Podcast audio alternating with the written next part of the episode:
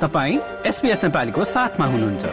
अरू रोचक सामग्रीहरूका लागि SBS dot com dot slash Nepali जानुहोस्।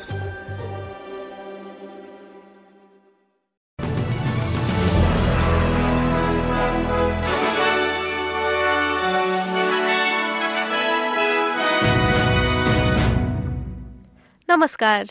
आज मङ्गलबार चौध नोभेम्बर सन् दुई हजार तेइस। अब पालो भएको छ एसबीएस नेपालीमा। आजका प्रमुख अस्ट्रेलियन समाचारहरू सुन्ने।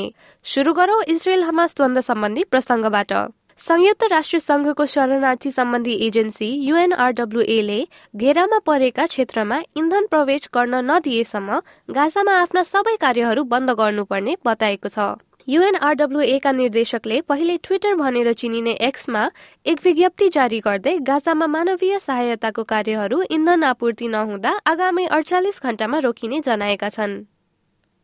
नयाँ आवास सम्बन्धी तथ्याङ्कहरूले अस्ट्रेलियाको घर भाडा बजार अझै खराब हुँदै गएको र रिजनल क्षेत्रहरूमा भाडा मूल्य वृद्धि ज्याला वृद्धिभन्दा बढी भएको देखाएको छ।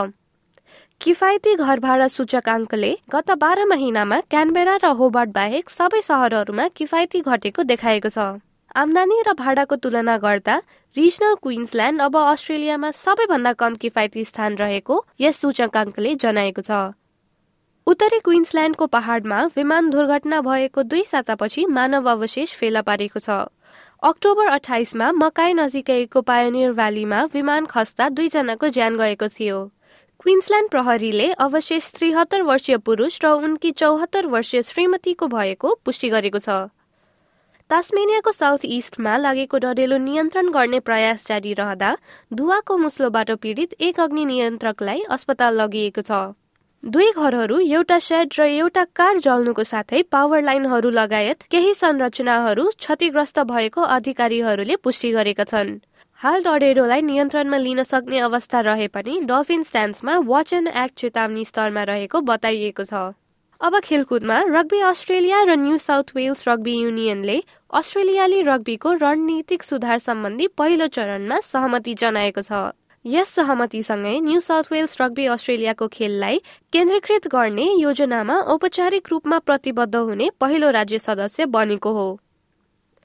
हस्त। एसपीएस नेपालीबाट आजका प्रमुख समाचार यति नै। सुरक्षित रहनुहोस्। नमस्ते।